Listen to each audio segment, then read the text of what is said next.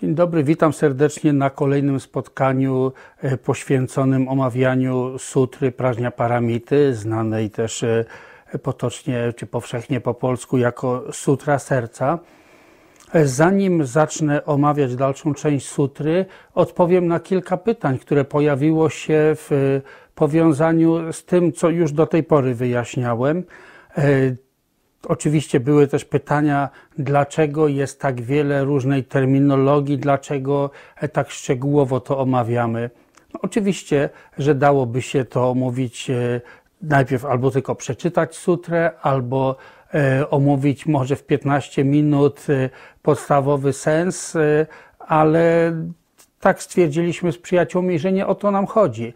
Nie śpieszymy się donikąd i również objaśnienia tej sutry stają się pretekstem do wyjaśnienia wielu e, podstawowych zagadnień buddyjskich. Tak jak na przykład, e, kiedy słyszałem te nauki od któregoś z Kempo czy Rinpoczów, zawsze przyjmowali założenie, że wszyscy wiedzą, co to jest pięć skand, bo jest to tak podstawowe, podstawowy termin buddyjski. Właściwie no, trudno być e, buddystą i nie wiedzieć, co to jest pięć skand. To jest jedna z najbardziej podstawowych pojęć ale ponieważ e, wiem, że niektórzy słuchający nie mają jasności co do e, znaczenia pięciu skand, to na przykład omawiam je i kilka innych terminów, które będą się pojawiać. Przy okazji objaśniam szerzej. Teraz co do e, tych konkretnych pytań. Najpierw w kontekście pierwszego wykładu pojawiło się pytanie, niezbyt jasno, precyzyjnie wyraziłem się, mówiąc, że Ananda podczas tego pierwszego soboru, gdy powtarzano nauki Buddy, że Ananda powtórzył nauki dotyczące praktyki, czy to chodziło o sutry. Tak, konkretnie Ananda powtarzał większość sutr, ale nie wszystkie. Większość, ale nie wszystkie. I wraz z tym zaraz e, pojawia się następne pytanie. Na początku sutry znajdujemy e, to stwierdzenie di kedagi, czyli tak słyszałem, Pytanie, kto twierdzi, że słyszał? Inaczej mówiąc, kto powtarza właśnie te nauki, których był naocznym świadkiem? Otóż e, istnieją tutaj dwie tradycje komentatorskie. Jedni uważają, że tym, który wygłasza to jako narrator, jako naoczny świadek tego zdarzenia, że był bodhisattva Vajrapani, jeden z tych e, dziesięciu bodhisattvów, mahasattvów na tym najwyższym poziomie, już o krok od stanu Buddy. Inna tradycja mówi, że był to Mahakasyapa, najstarszy z mnichów, e, który to znaczy w momencie, kiedy te nauki były przekazywane, Shariputra był najstarszym z mnichów, ale później, później gdy Shakyamuni opuścił ten świat, Shariputra i Maudgalyayana już nie żyli i wtedy właśnie Mahakasyapa był tym e, najstarszym spośród uczniów i niejako e, spadkobiercą nauk Buddy. Tak mówiąc na marginesie, e, podejrzewam, że wielu z nas, buddystów, nie zdaje sobie sprawy z tego, bo zazwyczaj nie poświęcamy tak wiele uwagi historii buddyzmu, a bardziej temu, jak bezpośrednio nauki Buddy zastosować w naszym życiu.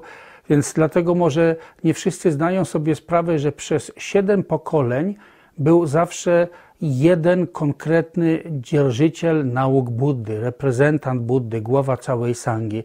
I tak pierwszym po Shakyamunim był Mahakasyapa. Po odejściu Mahakasyapy następnym został Ananda. I dopiero po siedmiu pokoleniach stwierdzono, że od tej pory zgromadzenie archatów będzie tym, kto reprezentuje Buddę i nie było już takiego jednego dzierżyciela e, nauk i głowy całej tradycji buddyjskiej. O, taka ciekawostka. E, pytanie dotyczące pierwszego wykładu dotyczy również Ariadewy, że nie było jasne, jak starając się nie rozciągać tego wątku zbyt czasowo, jaką rolę odgrywał Ariadeva w tej argumentacji, e, czy Nagarjunów było kilku, czy był jeden Nagarjuna, który żył 600 lat. Otóż według e, przyjętego dość szeroko poglądu w środowiskach akademickich, i tu mówię dość szeroko przyjętego poglądu, bo oczywiście środowiska akademickie też się różnią, też coraz ktoś e, wygłasza nowe tezy, znajdują się jakieś nowe źródła historyczne, ale większość uważa, że było co najmniej dwóch Nagarjunów. Jeden, ten, od którego pochodzą sutry Prażnia Paramity, czy który wydobył je na, na światło dzienne, przyniósł do naszego świata i który te nauki oparte na Prażnia Paramicie, nauki, które nazwał e, ścieżką środ, środka, Madhyamaka, czyli niektórzy też tłumaczą środkową ścieżką, Uma Cienpo po tybetańsku, że to był jeden Nagarjuna, filozof, twórca Madhyamaki. A potem w późniejszych wiekach znajdują się teksty, tak jakby komentarze do Guhya Samadja Tantry i innych e, tekstów tantrycznych, przypisywane także Nagarjunie. To też niektórzy twierdzą, że było co najmniej dwóch Nagarjunów, ten wczesny filozof i ten później, późniejszy zajmujący się tantrami. Ale w tym kontekście najsławetniejszy spośród uczniów Nagarjuny, Aryadeva, nikt nie kwestionuje, że był uczniem tegoż właśnie Nagarjuny, który tworzył filozofię Madhyamaki, on nie układał czegoś od zera, tylko nauki zawarte wcześniej w sutrach układał w taki systematyczny pogląd, opisał to w, w taki sposób, że zaczęto to nazywać pewną szkołą myśli filozoficznej. I nikt nie kwestionuje, że Ariadeva był jego uczniem, a kiedy mamy teksty, które są także komentarzami chociażby do Guhya Samadja Tantry i inne teksty Tantry i Vajrayany, przypisywane Ariadewie, tu już nikt nie twierdzi, że było dwóch Ariadewów. I w ten sposób y, y, słyszałem od jednego z e, bardzo uczonych y, kempo buddyjskich takie, mm, taki rodzaj polemiki, że utrzymywanie poglądu, że było dwóch Nagarjunów, a nie kwestionowanie, że był jeden Aryadeva, który pisał zarówno komentarze do, do filozofii Madhyamaki, jak i do tantr, że chociażby tego rodzaju uzasadnienie jest e, niespójne jakoby miało być dwóch Nagarjunów, a jeden Aryadeva, jednocześnie uczniem Nagarjuny w II wieku i później w VII czy VIII wieku. Kolejne pytanie było takie, czy sutra serca należy do drugiego obrotu kołem darmy? Tak, oczywiście, sutra serca należy do drugiego obrotu kołem darmy. I tu zazębia się to z drugim pytaniem, które e, dotyczyło tego, dlaczego tak ważne jest e, tych e, pięć wspaniałości. Wspaniały, wspaniały czas, wspaniały nauczyciel, wspaniałe miejsce, wspaniałe zgromadzenie i wspaniała nauka. Dlaczego tak ważne jest tych pięć wspaniałości? Otóż uważa się, że tylko wtedy, kiedy zbierze się wszystkie pięć wspaniałości, wtedy mówimy o obracaniu kołem darmu, czyli przekazywaniu z taką wielką mocą, przekazywaniu całego cyklu, y, cyklu nauk. Gdyby był nauczyciel, byli uczniowie, ale nie byłoby odpowiedniego miejsca, gdzie mogliby się zgromadzić, nie nastąpiłoby przekazywanie takich nauk. Gdyby był nauczyciel, nie byłoby uczniów, nie byłoby nauczania darmy. Byliby uczniowie, nie byłoby nauczyciela, i tak dalej. Wszystkie pięć czynników spotyka się razem, wtedy używa się określenia obrót kołem darmy. I tak, prażnia paramita, można powiedzieć, zapoczątkowała i jest samą esencją i jądrem nauk drugiego obrotu kołem darmy. Niemniej istnieje również sposób objaśniania tychże nauk w, taki, w takim stylu, który można powiedzieć zazębia się o mm, trzeci obrót koendarmy. Mianowicie był pewien wybitny, praktykujący, urzeczywistniony mistrz i jeszcze jednocześnie autor e, wielu bardzo ważnych komentarzy w Tybecie. Nazywał się Dzionangpa. Tenży Dzionangpa napisał komentarz do sutry Parażnia Paramity, przede wszystkim podkreślając, że wielu ludzi uważa, że Prażnia Paramita przedstawia przede wszystkim pogląd czy też filozofię. On uważa i ukazuje w swoim komentarzu, że prażnia paramita przede wszystkim mówi o praktyce, w jaki sposób zastosować to w praktyce, i po drugie objaśnia prażnia paramitę z punktu widzenia filozofii Madhyamaki Shentong, która z pewnością nie, nie będę już teraz objaśniał znaczenia tych e, podszkół filozoficznych, ale z pewnością odnosi się to bezpośrednio do nauk trzeciego obrotu koendarmy. Tych nauk, które podkreślają, że oczywiście prawdą jest to, czego nauczał Buddha w pierwszym obrocie koendarmy, wszystkie nauki o współzależnym uwarunkowaniu i tak dalej, cztery prawdy, to wszystko jest bardzo prawdą.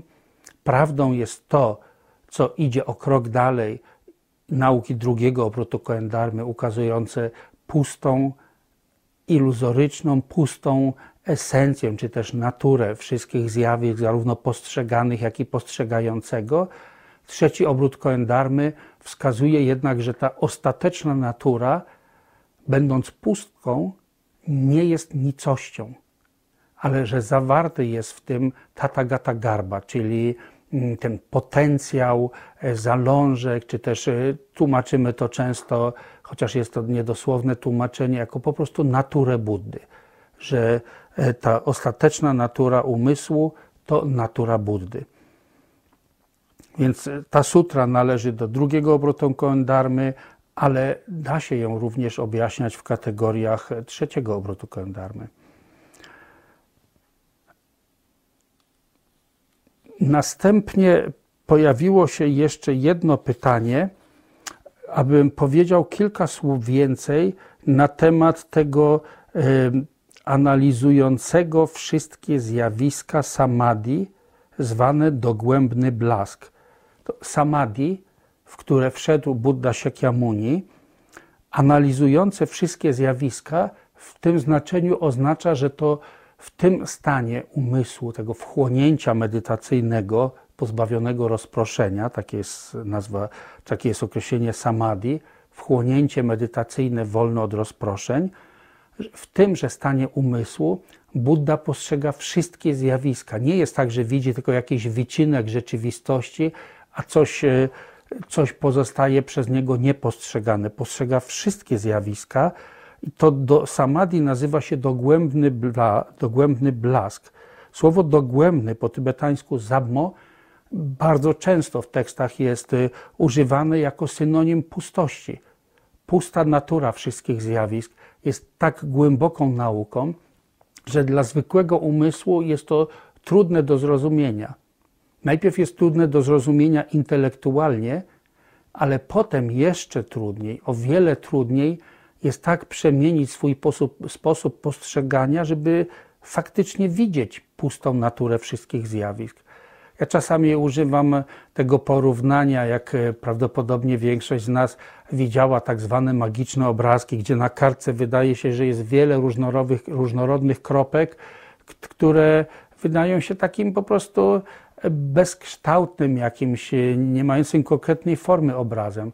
Kiedy jednak ustawimy odpowiedni wzrok, odpowiedni sposób potrafimy patrzeć, to w pewnym momencie da się dostrzec w tym trójwymiarowy obraz.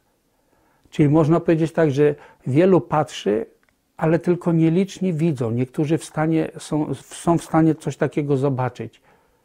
Podobnie jak wielu z nas słyszy nauki o pustości wszystkich zjawisk i rozmyślamy o tym, wielu z nas ma zaufanie do tego, myślimy, ależ na pewno tak jest, ale tylko nielicznie potrafią to naprawdę dostrzec.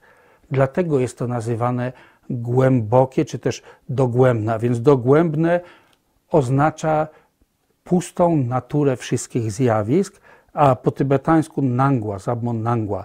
Nangła oznacza jasność. Tu przetłumaczyliśmy jako blask, tak trochę bardziej poetycko brzmi, a nangła też znaczy jasność, to znaczy, że w jasny sposób bez żadnej ułudy, bez żadnych zaciemnień, bez żadnego pomieszania. W tym stanie Buddha jasno widzi pustą naturę wszystkich zjawisk, wszystkich zjawisk bez wyjątku. To oznacza to dogłębne samadhi, zwane dogłębny blask. Hmm. Pytanie jeszcze kolejne brzmiało, aby zatrzymać się nieco, bo tak można powiedzieć, prześliznąłem się, po tym przeczytałem jedynie to określenie, że w tym czasie bodhisattva, mahasattva, szlachetny, pełen mocy, awaloki.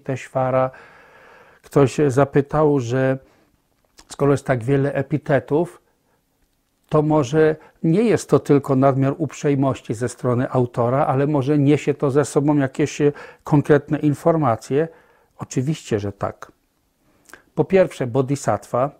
Wiemy, że bodhisattva to ktoś, kto nie dąży do własnego jedynie wyzwolenia, ale ktoś, dla kogo celem stanie się doprowadzenie wszystkich spośród niezliczonych istot, wszystkich bez wyjątku do uwolnienia od cierpienia i osiągnięcia stanu Buddy.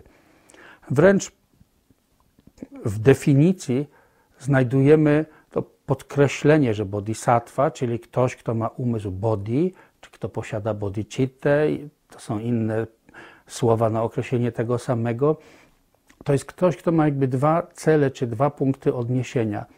Po pierwsze, wszystkie czujące istoty, każdy, kto jest obdarzony umysłem.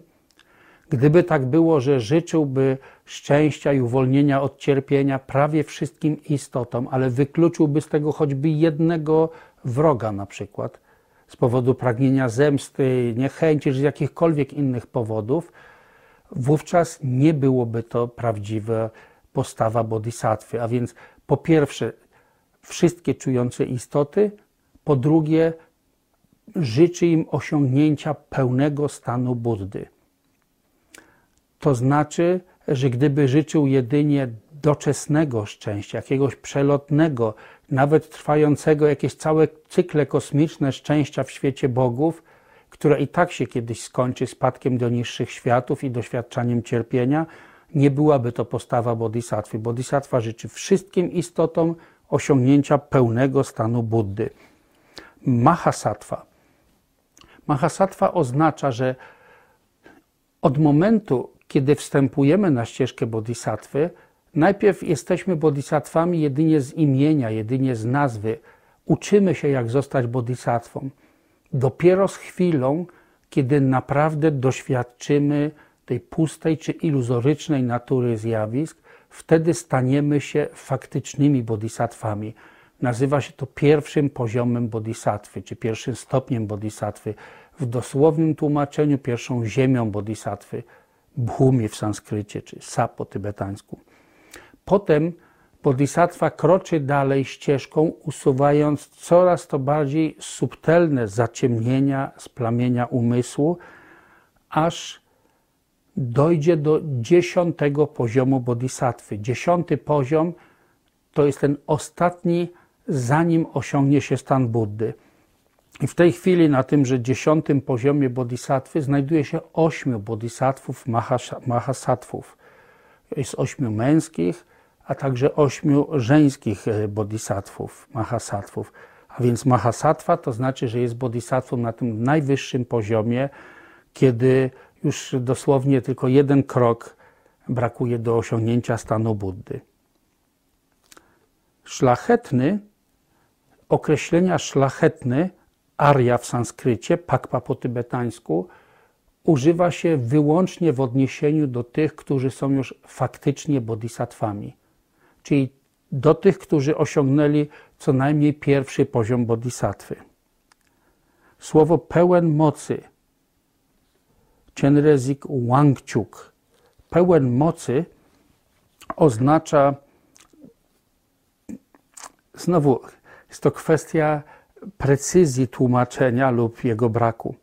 Wangchuk dosłownie, że ma moc w znaczeniu, że nie jest zależny od nikogo innego.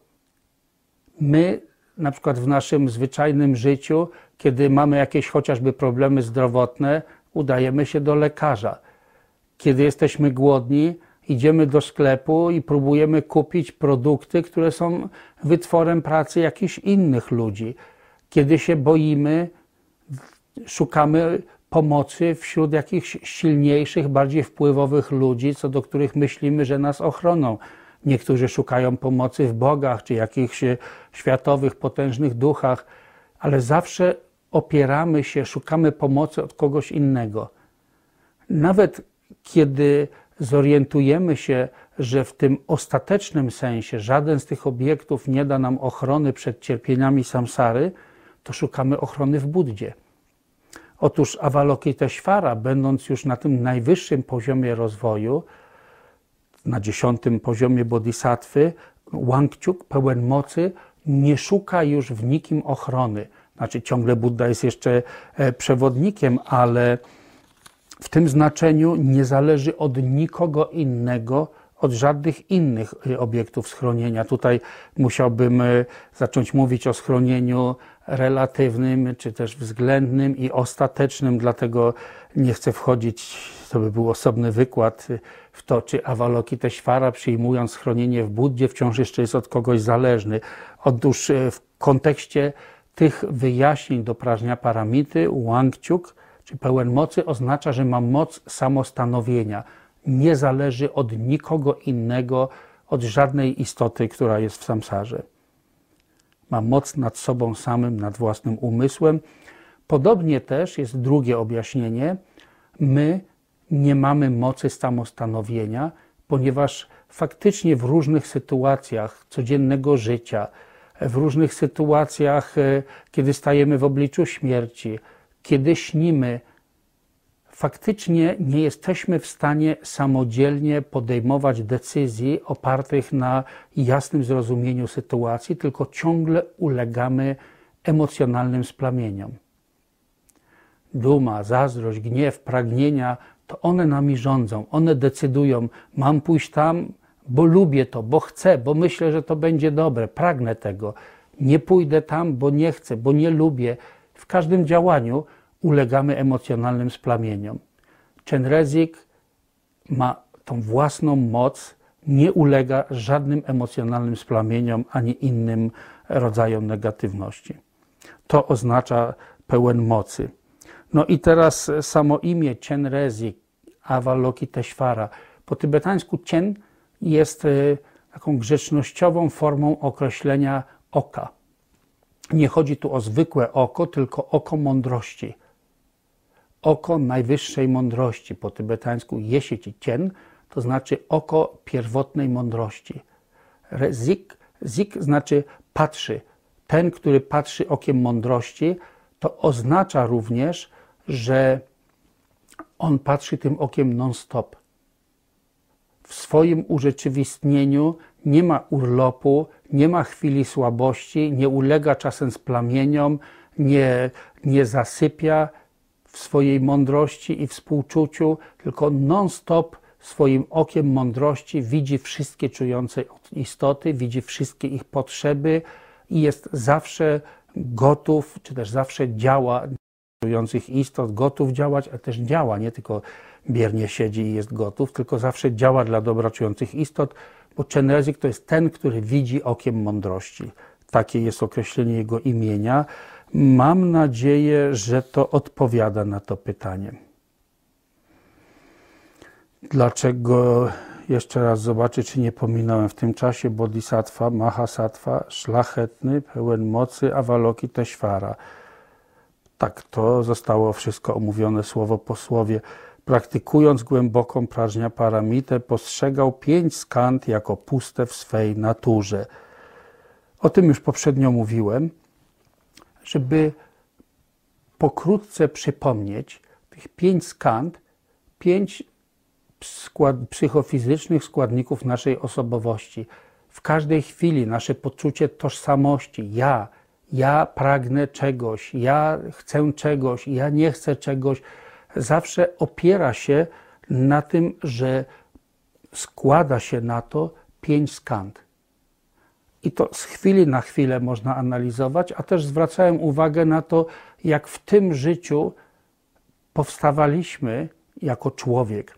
Jak pojawiło się najpierw e, forma fizyczna, jak potem ona rozwijając się nabrała zdolności i ta forma fizyczna to jest pierwsza skanda, skanda formy, zbiór wszystkiego, co się składa na formę fizyczną. Jak potem rozwijając się nabrała e, to ciało nabrało zdolności odczuwania. Zbiór tych wszystkich odczuć wpływa na to, że jesteśmy żywym człowiekiem. Samo tylko kubka mięsa usztywnionego kośćmi, powiązanymi ścięgnami, wypełnione różnymi płynami fizjologicznymi, to wszystko zawarte w worku ze skóry, samo w sobie to jeszcze nie stanowi człowieka, jeśli on nie ma zdolności odczuwania, jeśli nie ma zdolności postrzegania. Trzecia skanda to był zbiór tych odczuć, to stopniowo kształtuje się, kiedy, kiedy mm, e, ten zalążek przyszłego człowieka rozwija się w brzuchu matki. Stopniowo pojawiają się mentalne reakcje. I kiedy już są te wszystkie odczucia, odczucia zbierane poprzez e, zmysły, poprzez wrażenia cielesne, odczucia, zdolność uświadamiania ich sobie i mentalne reakcje, to automatycznie w ślad za tym powstaje pewna samoświadomość, poczucie, aha, ktoś to dostrzega, ktoś to przeżywa, ktoś to dostrzega, to jestem ja. Ta skanda świadomości ma również pewne składniki, dlatego nazywamy to skandą, czyli zbiorem świadomości. Ale w ten sposób kształtuje się nasze, nasze poczucie ja. Podobnie można to zaobserwować w różnych specyficznych chwilach naszego życia. Faktycznie to się dzieje z momentu na moment, ale dopóki ktoś nie jest na najwyższych mistrzowskich poziomach e, praktyki, nie będzie w stanie tego z chwili na chwilę zauważyć. Ale da się coś takiego zaobserwować, i tu zachęcam słuchających, jeżeli udałoby się na przykład w chwili, kiedy ktoś zemdlał, nie życzę nikomu zemdlenia, ale czasem się zdarza, kiedy zemdlejemy, potem budzimy się z tego stanu, to czasami dzieje się to na tyle powoli, że ktoś może zaobserwować swoim okiem mądrości, swoją mądrością, prażnią może zaobserwować pewne etapy. Podobnie też dzieje się to, kiedy budzimy się rano. Również kiedy zaśniemy i zaczyna się pojawiać jakiś sen, również są podobne etapy. To nie dotyczy teraz bezpośrednio nauk przedstawionych w Sutrze Prażnia Paramity. Tego rodzaju wyjaśnienia znajdziemy na przykład e, w naukach e, o praktyce Mahamudry, ale chcę zwrócić uwagę na to, bo można powiedzieć, że sam sposób powstawania tego jest podobny. Podobnie jak pięć skand tworzy naszą osobowość. Tak samo mamy trzy etapy, kiedy ze stanu nieświadomości, na przykład budzimy się rano, albo na przykład budzimy się po omdleniu, najpierw przez chwilę po prostu spostrzega się różne zjawiska.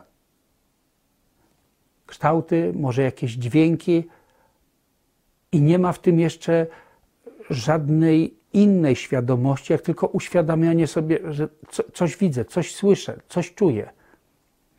Dopiero chwilę potem, ułamek sekundy, czasami są niezwykle krótkie chwile i trzeba naprawdę wielkiej, wielkiej wprawy w medytacji, żeby umieć w takich krótkich chwilach to rozpoznawać, ale czasami zdarza się, że ten proces rozciągnie się na, na, na sekundę, może, może nieco dłużej, wtedy łatwiej go zaobserwować po tym pierwszym pojawieniu się zjawisk, to po tybetańsku nazywa się nangła, pojawianie się zjawisk, powstaje drugie takie spojrzenie, co to, co, co to jest. Taki rodzaj badawczego spojrzenia, co to jest, i zaczyna się traktować te zjawiska jako coś takiego konkretnego. Aha, to jest coś, czego faktycznie doświadczam, ten drugi etap nazywa się umacnianiem, po tybetańsku ciepa, umacnianie, wzmacnianie. I po chwili, ułamek sekundy czasami, czasami chwileczkę dłużej, dopiero potem pojawia się, aha, to jest to pomieszczenie, to, i dopiero pojawia się takie poczucie, aha, to jestem ja. Powstaje w nas poczucie takiej tożsamości, aha, to ja. Bo skoro są postrzegane zjawiska, to jest to pierwsze. Drugi etap. Zaczynam traktować je jako jakieś realne, faktycznie coś, czego doświadczam, to wtedy trzeci etap pojawia się w ślad za tym, aha, no skoro jest coś postrzeganego, no to musi być ktoś, kto to postrzega. I mimo, że nie istnieje jakiś trwały, niezależny, samoistny byt, jakaś taka rzecz sama w sobie, która by stanowiła ja, to jednak powstaje poczucie, ach, to ja to postrzegam. Ten trzeci etap, etap nazywa się toppa, co dosłownie znaczy osiągnięcie. Nagle uświadamiamy sobie, jestem w tym świecie. To samo może się dziać, kiedy po tym pierwszym głębokim śnie bez marzeń sennych, zaraz jak zaśniemy, jak w chwilę potem pojawiają się jakieś marzenia senne, to też najpierw przejawiają się tylko jakieś zjawiska, za chwilę, gdzie ja jestem, i nagle powstaje myśl, aha, to jestem ja. I nie pamiętamy, że nasze ja, które mieliśmy na jawie, gdzieś tam utożsamiające się z ciałem, które leży w łóżku, że to było czymś innym. Nagle we śnie pojawia się taka nowa iluzja. To jestem ja. Ja jestem w tym miejscu. I najpierw samo tylko przejawienie się złudnych zjawisk sprawia, że zaczynamy w drugim etapie lgnąć do nich, jakby były realne. Pojawia się poczucie, ja je postrzegam, i to wszystko staje się już takie namacalne. Jak przyśnione ciało próbuje przejść przez przyśnioną ścianę, to pojawi się przyśniony guz i przyśniony ból. Mimo, że zarówno przyśnione ciało, jak i przyśniona, przyśniona ściana są w takim samym stopniu, tylko iluzją wytwarzaną przez umysł. Ale z powodu nierozpoznania prawdziwej natury tego snu, będziemy doświadczać przyśnionego cierpienia i przyśnionych skutków czynów. To tak o tych jak pięć skand, Avalokiteshvara zobaczył, że są puste w swej naturze, wtedy dzięki inspiracji Buddy, dzięki temu duchowemu wpływowi Buddy, Shariputra został jakby zainspirowany, pobudzony do tego, żeby zadać Chenrezigowi, Chenrezigowi pytanie, czy Avalokiteshvarze, Avalokiteshvara w sanskrycie, Chenrezik po tybetańsku, w jaki sposób córki i synowie rodziny Mahajany, którzy chcą postępować zgodnie z głęboką praktyką prażnia paramity, w jaki sposób powinni postępować. Bodhisattva Mahasattva, szlachetny, pełen mocy Chenrezik odparł, Putro, córki, córki i synowie rodziny Mahajany, którzy chcą postępować zgodnie z głęboką praktyką prażnia paramity, powinni postrzegać w taki oto sposób. Pięć skand widziane w czysty sposób, w czysty to znaczy wolny od ułudy, wolny od y, błędnego postrzegania. Kiedy chcą czy są w stanie zobaczyć tak, jak jest, zobaczą, że skandy są puste w swej naturze. I ostatnio omawiałem, co to znaczy, że forma jest pustką. Przypomnę jeszcze raz, to nie oznacza, że nie ma formy. To oznacza, że skanda, w tym wypadku forma odnosi się do skandy formy, że skanda formy, czyli zbiór tego wszystkiego, co tworzy nasz nasze fizyczne ciało, a także postrzegane przez nas e, inne formy, że jest to pozbawione pewnej esencji, samoistnego bytu. Ciało składa się ze skóry, mięsa, kości i tak. Żadna z tych części składowych sama w sobie nie stanowi ciała.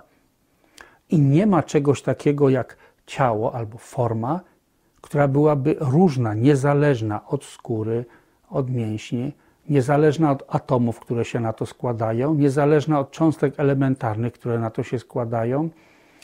Sama w sobie forma jest pewnym pojęciem, które powstaje w nas, kiedy zbierze się razem wiele elementów. Ale forma jako taka, na przykład gdybyśmy chcieli powiedzieć, jeśli ja byłoby ciałem, to którą częścią ciała, albo czy istnieje jakieś ja, które mieszka w jakiejś części ciała, dałoby się go, nie wiem, wykroić i pokazać, zobacz, to jest to samo ja, nic się nie zmieniło, to jest wciąż to samo ja, jak wtedy, gdy miałeś rok, gdy miałeś 10 lat, gdy miałeś 15 lat, masz 50 lat, ja jest ciągle tym samym ja. Bo na praktycznym poziomie mamy poczucie, to jest ten, ten sam ja a tymczasem okazuje się, że nie ma niczego, żadnej składowej, która by tworzyła to ja. To samo odnosi się do innych skand. Tutaj pustka jest formą, forma jest pustką, przepraszam, ale pustka jest formą. Przypomnę, że nie istnieje pustka inna od formy. Ja pamiętam, jak e, jakieś pierwsze w życiu rzeczy słyszałem na temat pustki, e, to pojawiały się bardzo naiwne wyobrażenia na ten temat. Pamiętam kiedyś jeszcze w latach 70., szukając jakichkolwiek duchowych nauk, jeździłem, no wtedy w czasach e, komunistycznych trudno było znaleźć jakąś literaturę, czy tym bardziej nauczycieli. Jeździłem z Radomia bardzo często po zajęciach e, autostopem do Warszawy, do Towarzystwa Przyjaźni Polsko-Indyjskiej. Tam była czytelnia, na miejscu można było poczytać i byli też ciekawi ludzie. Kiedyś e, pewien człowiek, który zawsze gronem uczniów i zawsze w specjalny sposób się odzywał, w specjalny sposób się ubierał, w specjalny sposób pokazywał swoją duchowość. Kiedyś tak się złożyło, że wychodząc stamtąd, kiedy już była godzina zamknięcia, szliśmy razem ulicą, posłyszał, że interesuje się buddyzmem, więc e, natychmiast skwitował, aha, buddyzm naucza o pustce. Pamiętaj, że prawdziwe spotkanie z Chrystusem może mieć miejsce tylko w pustce. Ja sobie natychmiast wyobraziłem jakieś takie miejsce gdzieś na orbicie, bo pustka kojarzyła się z jakąś przestrzenią kosmiczną i jakieś takie świetlane popiersie Chrystusa, które wtedy się pojawia tylko tam, tu na Ziemi nie może. Może nie ma sensu, żebym o tym opowiadał, ale przypuszczam, że czasami prawie równie naiwne wyobrażenia mogą się w niektórych pojawić. Na przykład niektórzy sądzą, że dopiero jak zlikwiduje się wszystkie formy, dopiero wtedy będzie prawdziwa pustka. Nieprawda, nie. Pustka sama w sobie nie istnieje, nie jest jakimś odrębnym, samoistnym bytem. To, że to, co się przejawia, jest puste w swojej istocie, to jest pustość, czy to jest pustka. Nie ma pustki, która istnieje gdzieś niezależnie od formy. Dlatego tekst mówi: pustka jest formą. Forma nie jest różna od pustki, pustka nie jest różna od formy. W ten sam sposób, i teraz przechodzimy do następnych skand, w ten sam sposób odczucia, postrzeganie, mentalne reakcje i świadomości także są puste. Znowu jest tak, że gdyby skanda odczuć, gdyby odczucia miała być pewnym realnym, samoistnym bytem, to musiałaby być czymś jednym. Będąc czymś jednym, musiałoby być stale tym samym. Tymczasem mówimy tutaj jedynie o zbiorze różnych odczuć, które są doświadczeniami, które z chwili na chwilę się zmieniają. Przez chwilę odczuwam to, za chwilę będę odczuwał co innego. Na przykład w odniesieniu do wrażeń wzrokowych mogę odczuwać czy postrzegać pewne zjawiska, pewne formy, które są dla mnie przyjemne. Mogę postrzegać takie, które są nieprzyjemne, których nie chcę, nie lubię, albo takie, które są obojętne. A więc mamy co najmniej trzy rodzaje, trzy kategorie wrażeń wzrokowych. To samo będzie dotyczyć wrażeń słuchowych, zapachowych, smakowych, uczuć, odczuć fizycznych i wreszcie, czy odczuć dotykowych, i wreszcie jako szósty rodzaj doświadczenia to są różnego, różnego rodzaju zjawiska umysłowe. Mogę być świadomy swoich przyjemnych lub nieprzyjemnych stanów umysłu. Mogę się czuć zadowolony, mogę się czuć niezadowolony, mogę mieć obojętne stany, a więc mamy sześć rodzajów obiektów, sześć rodzajów wrażeń wzrokowych, słuchowych itd. Tak Każdy z nich może być przyjemny, nieprzyjemny albo obojętny, a więc mamy co najmniej 6 razy 3, 18 różnych rodzajów wrażeń. Nie da się wśród nich wykazać takiej jednej rzeczy, która by była czymś stałym, niezmiennym, która by się dało ukazać, o, to jest właśnie skanda odczuć. Dalej, jeśli chodzi o postrzeganie, trzecia skanda, mamy pewnego rodzaju odczucia i uświadamiamy je sobie. Żeby mogło nastąpić takie uświadomienie sobie odczuć, musi być co najmniej pięć czynników. Po pierwsze, musi być postrzegany obiekt. Po drugie, musi być postrzegający organ. Jeśli na przykład są jakieś formy, ale oko jest chore, nie ma zdolności postrzegania, to nie będzie następować e, postrzeganie tych form. To samo dotyczy słuchu i tak dalej. Więc musi być organ. Po trzecie, musi być powiązanie, pewien rodzaj połączenia, kontaktu organu nie tylko z obiektem, ale z pewnym tym aspektem świadomości. Jeśli byłyby formy, byłoby zdrowe oko, ale ktoś na przykład zemdlał, nie ma aspektu świadomości, w tym momencie oznaczałoby to, że nie następuje żadne postrzeganie formy, a więc jest obiekt, jest zmysł, jest połączenie tego zmysłu z aspektem świadomości. Dalej, ten aspekt uświadamiania sobie formy, ten aspekt mentalny, czy też aspekt świadomości, zostaje dostrzeżony przez tak zwaną świadomość mentalną. Świadomość mentalną, czyli nasze procesy myślowe, które chwytają, aha, to jest trójkątne i czerwone, aha, to jest kwadratowe i żółte. I piąty element, który następuje zawsze, to jest pewien rodzaj analizowania. Tych pięć czynników razem składa się na to, co nazywamy tym aktem postrzegania. Z tych różnych momentów postrzegania tego, tego, tego składa się cały zbiór, który nazywamy zbiorem postrzegania. Zbiór, czyli skanda. A więc znowu ta skanda nie jest taką jedną, niezmienną rzeczą. Jest tutaj szereg czynników, każdy z nich da się także rozebrać na części składowe i okazuje się w końcu przy dokładniejszej analizie, że skanda postrzegania jest pewnym takim pojęciem, które wytwarzamy, ale nie ma realnego, samoistnego bytu, jest pusta. A to, że jest pusta, to nie znaczy, że nie ma postrzegania. To postrzeganie jest puste w swojej esencji, ale będąc pustym, rozgrywa się, zachodzi. Dlatego postrzeganie jest pustką. Tak jak było forma jest pustką, tak samo postrzeganie jest pustką, ale pustka jest postrzeganiem. Form, postrzeganie nie jest różne od pustki, pustka nie jest różna od postrzegania. To samo można powtórzyć wobec każdej z pięciu skand. Kiedy już nastąpi postrzeganie, w ślad za tym pojawia się czwarty zbiór, czwarta skanda, skanda mentalnych reakcji w tradycji Abidarmy dzieli się zjawiska mentalne na 51 podstawowych rodzajów. Spośród nich dwa pierwsze to jest y, odczucia i postrzeganie, to jest druga i trzecia skanda, pozostałe 49 mieści się w czwartej skandzie. Oczywiście różne szkoły, różne tradycje buddyjskie mogą to różnie przedstawiać, różnie, różnie analizować, ale przeważnie ta skanda, e, którą my tłumaczymy roboczo jako mentalnych reakcji, po tybetańsku dudzie albo samskara w sanskrycie, co dosłownie znaczy gromadzenie, bo to gromadzi ślady, które zostają w umyśle. Ta skanda składa się z wielu, wielu, wielu różnych rodzajów e, mentalnych zjawisk.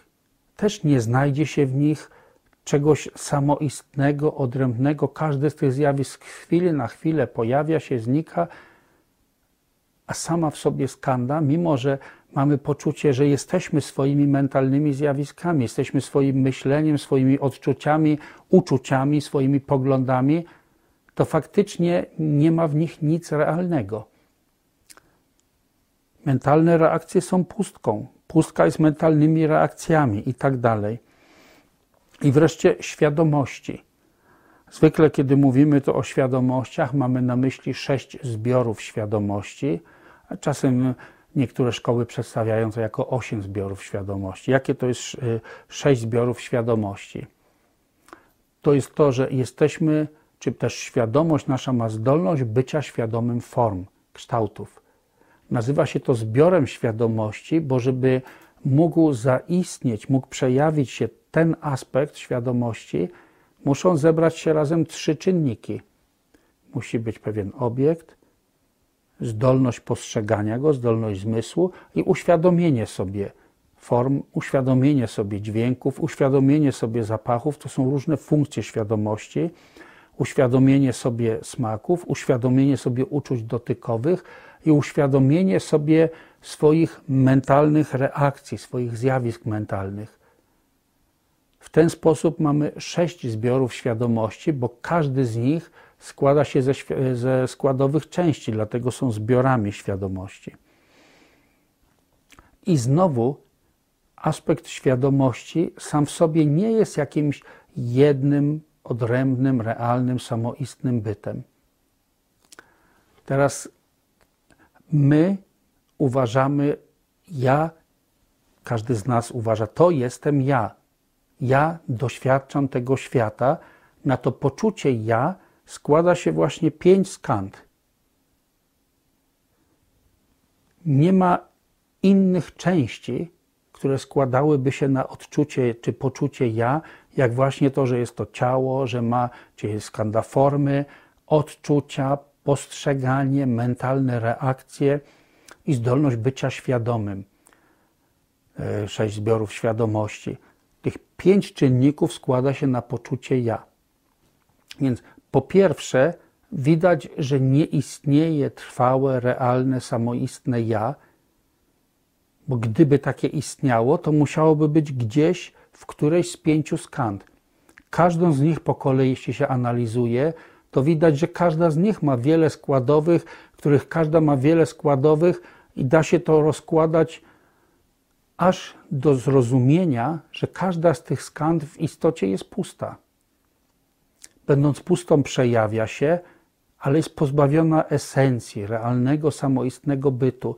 Skoro z pięciu nierealnych czynników składa się poczucie ja, wniosek jest tylko jeden. Samo ja także nie istnieje realnie. Jest tutaj ciągły strumień, ciągły proces. Używa się w buddyzmie takiego określenia również jak strumień świadomości, ale również strumień zjawisk, które tworzą nasze ciało, które także nie jest jedną stabilną, niezmienną rzeczą. Jest pewnym procesem. Wlewamy ciągle do ciała płyny, dodajemy różnych składników odżywczych, część jest wydalane, chociażby woda wydychana w postaci pary, wydalany w postaci potu, obcinamy różne części ciała, włosy, paznokcie, e, wydalamy część tego pokarmu, który, e, który połknęliśmy. To jest ciągły proces tego, co składa się na ciało. Ciągły proces, ponieważ jest ciągłość tego procesu, to podobnie jak w przypadku strumienia wodospadu mamy wrażenie, takie złudzenie, że spoglądamy ciągle na ten sam wodospad, tak samo mamy to złudne poczucie, że to ja jestem ciągle ten sam, chociaż fak faktycznie z chwili na chwilę doświadczam tylko różnych rzeczy i mam poczucie, że to jestem ja, ktoś, kto tego doświadcza. Jest to jedynie złudne odczucie, złudne doświadczenie, że istnieje trwałe, niezmienne samoistnie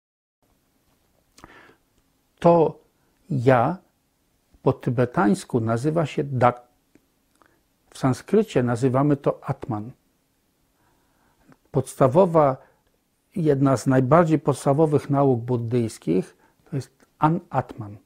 Nie istnieje trwałe, nie ma trwałego, niezmiennego ja.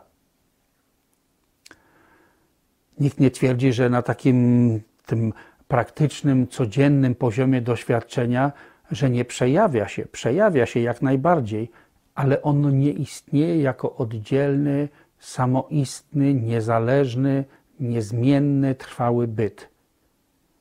Zbiór iluś warunków i okoliczności, zbiór tego, co nazywamy skandami, jest doświadczane, daje takie poczucie, że istnieje, że istnieje ja. Przy czym Pozwolę sobie na znowu pewną uwagę terminologiczną. Ja myślę, że warto się czasem e, zastanawiać nad znaczeniem e, różnych ważnych terminów buddyjskich, bo często są one jakoś tak pochopnie czy też błędnie tłumaczone na języki zachodnie. Bardzo często w literaturze buddyjskiej to Atman czy ja jest tłumaczone jako ego, nie ego. Ja już pomijam fakt, że jeżeli popatrzymy na to, w jaki sposób pod koniec XIX wieku, nie jestem dobry w historii psychologii, ale myślę, że to chyba była druga połowa XIX wieku, e, kiedy ci, e, można powiedzieć, pionierzy współczesnej psychologii e, stwarzali to pojęcie, zaczynali go przynajmniej używać w tym sensie, to tak jak na przykład profesor Freud czy Jung używali słowa ego, nijak się nie ma do buddyjskiego pojęcia właśnie pewnej takiej tożsamości, samego poczucia ja. Pokażę to na prostym przykładzie. Otóż w buddyzmie Hinayany, w filozofii, które należą do tej kategorii Hinayany, naucza się o braku samoistnego bytu ja, an-atman. I mówi się tylko o tej pustości postrzegającego, że on nie istnieje realnie, istnieje tylko, przejawia się przez splot różnych przyczyn i warunków. Przejawia się, będąc w esencji pustym, w istocie pustym. Ale tak jak tu któregoś dnia wspominałem o dwóch y, kierunkach filozoficznych, y, y, to znaczy Wajbaszikowie i Sautrantikowie, które to kierunki filozoficzne należały właśnie do poziomu nauk Hinayany, oni twierdzili, że zewnętrzne zjawiska, rzeczywiście grube zjawiska, te, które są zbiorem wielu tych maleńkich, niepodzielnych atomów, że one są puste, ale te niepodzielne cząstki, z których się składają, są realne. A więc o zewnętrznych zjawiskach częściowo mówiono o pustości, ale częściowo o tym, że te najmniejsze niepodzielne cząstki są realne, czyli z punktu widzenia buddyzmu Mahayany, z punktu widzenia nauk prażnia paramity, można powiedzieć, że jest to trochę realistyczne podejście, materialistyczno-realistyczne. Otóż y, w Mahayanie, w drugim obrocie kołem Dharmy, w naukach prażnia paramity, mówi się o dwóch rodzajach dak me, czyli braku dak albo an atman. A więc jest to zarówno pustość, brak tożsamości, brak trwałego, realnego, samoistnego, niezmiennego bytu w postrzeganym, o tym cały czas mówiliśmy, ale jest też mowa o pustce postrzeganych zjawisk, bo twierdzi się, że te mikrocząstki, z których składa się, e, składają się wszystkie większe obiekty, że one także nie są realne. Oczywiście i znajduje się tutaj cały szereg logicznych rozważań. Ja myślę, że nie musimy tutaj poświęcać im wiele czasu.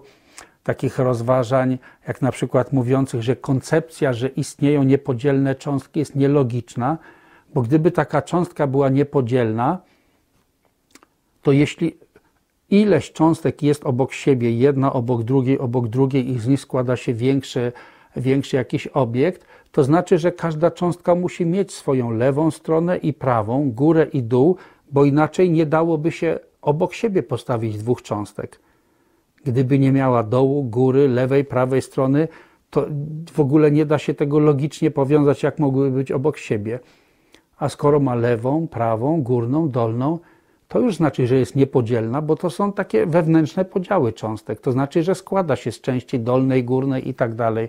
Więc na przykład w ten sposób filozofowie Mahajany uzasadniali, że taka koncepcja realnych, niepodzielnych cząstek jest po prostu nielogiczna. Oczywiście jest tutaj mnóstwo wielu innych argumentów, grube, tony, grube tomy pisano na ten temat i to były wielkie historyczne dysputy. Nie da się tego w trzech zdaniach podsumować. Ale do czego zmierzam? Że jeżeli w Mahajanie mówimy o dwóch rodzajach nie ja, an atma, nie ja postrzegającego i nie ja postrzeganych zjawisk, to tu się pojawia problem terminologiczny. Dwa rodzaje dagme, dwa rodzaje an atma, postrzegający i postrzegane. Więc jeżeli na przykład postrzegam krzesło, które gdzieś tam przede mną stoi, i mam dyskutować na ten temat, że krzesło jest anatma, jest pozbawione, jeśli tłumaczymy atma jako ego, że krzesło jest pozbawione ego, to ktoś, kto by z boku popatrzył na nauki buddyjskie, postukałby się w czoło i powiedział, jakiż to bezsens. Nikt nigdy nie przypuszczał, że krzesło ma jakiekolwiek ego, a tymczasem grube tomy, mamy całe półki tutaj z tekstami buddyjskimi, w których będą rozważania na temat tego, że krzesło jest pozbawione ego. Marnowanie czasu, udowadnianie tezy, której nikt nigdy nie postawił, bo nikt nigdy nie przypuszczał, że krzesło ma jakiekolwiek ego. Ale jeśli zrozumiemy słowo atman jako pewien rodzaj tożsamości, że krzesło nie ma własnej tożsamości, że krzesło jest pewnym pojęciem, które nadajemy temu, bo pełni to pewną funkcję, a w rzeczywistości składa się one z czterech nóg. Jakbyśmy gdzieś znaleźli nogę i załóżmy, że to takie krzesło, które jest e, zrobione według nowatorskiego designu, noga nie jest nijak wykrzywiona, tylko całkowicie prosta. Ktoś spotkałby taki okrągły drewniany słupek, może wcale nie przypuszczałby nawet, że jest to noga od krzesła, tylko na przykład pałka do, nie wiem, ubijania y, y, jakiejś, jakiejś masy. Spotkałby każdą z tych części i nawet by nie przypuszczał, że to jest krzesło, a każda z tych części składa się z wielu drobnych części. Nie ma czegoś takiego jak krzesło samo w sobie które byłoby niezależne od czterech nóg, od tej powierzchni, na której się siedzi, od oparcia. W ten sposób krzesło jest puste w swojej istocie. A każda z tych najmniejszych cząstek, z których się składa krzesło, też może być udowodniona, że nie istnieje samoistnie w oderwaniu od wszystkiego innego i w ten sposób jest pusta w swojej istocie. Ale tłumaczenie tego, że jest an atma, zewnętrznych postrzeganych zjawisk, że to jest brak ego krzesła, tłumaczenie samo w sobie nie jest dobre. Lepiej powiedzieć brak samoistnego bytu.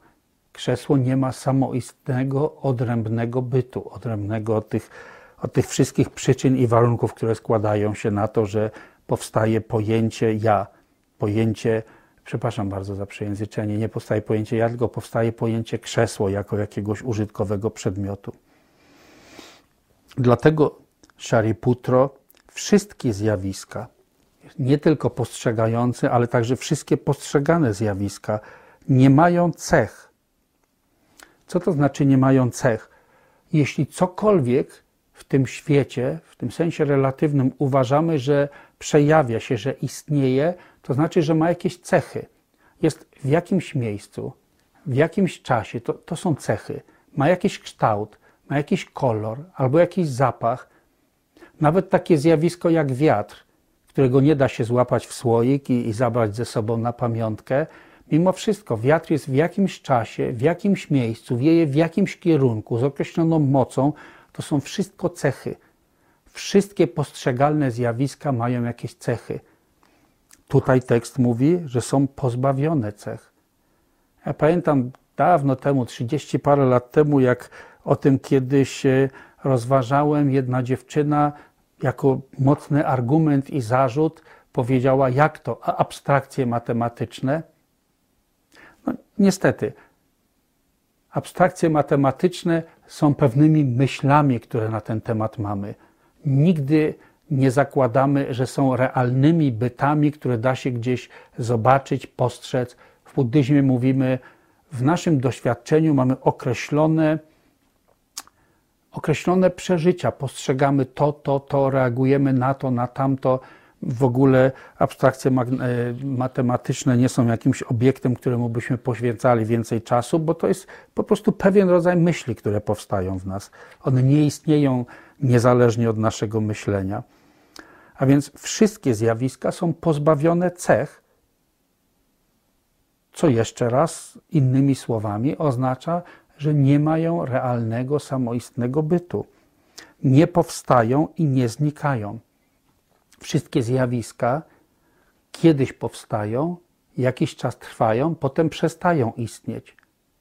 Ale jeżeli wszystkie zjawiska są puste w swojej istocie, to nie można powiedzieć, że kiedykolwiek powstały, w związku z tym też nie przestaną istnieć.